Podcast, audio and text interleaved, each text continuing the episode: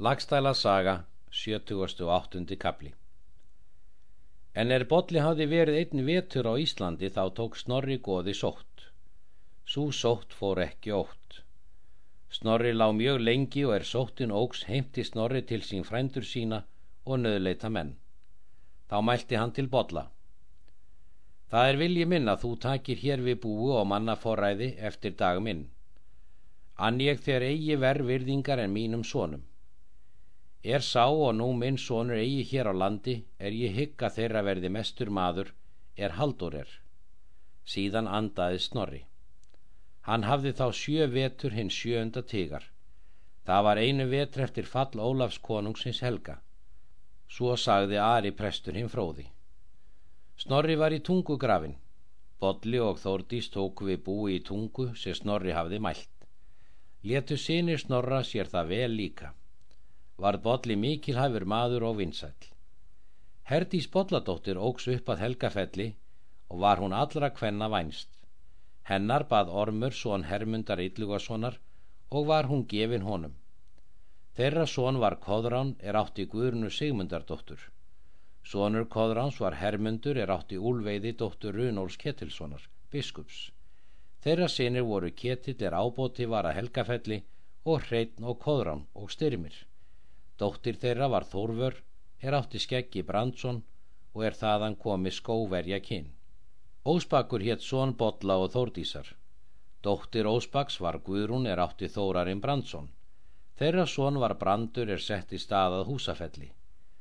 Hans són var Sigfattur prestur er þar bjó lengi. Gellir Þorkelsson kongaðist. Hann fekk valgerðar dóttur Þorgils Arasonar af Reykjanesi. Gellir fór utan og var með Magnúsi konungi hinnum góða og þá af honum tólf öyraguls og mikið fjannað. Sýnir Gellis voru þeir Þorkell og Þorgils. Sónur Þorgils var Ari hinn fróði.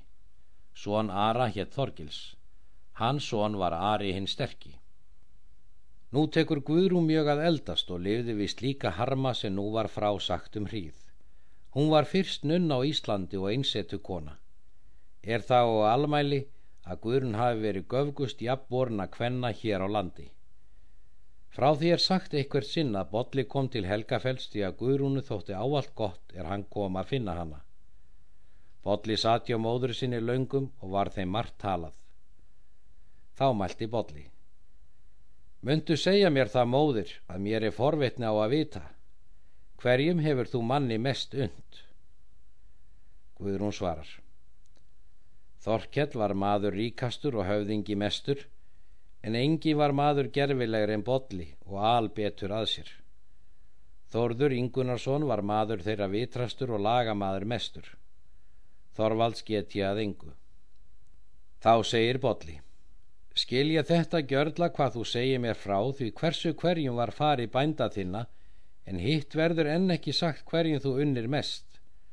Þartu nú ekki að leina því lengur. Guðrún svarar Hvað skorar þú þetta, sonur minn? segir Guðrún. En ef ég skal það nokkrum segja, þá mun ég þig helst velja til þess. Bodli bað hann að svo gera. Þá mælti Guðrún. Þeim var ég verst, er ég unni mest.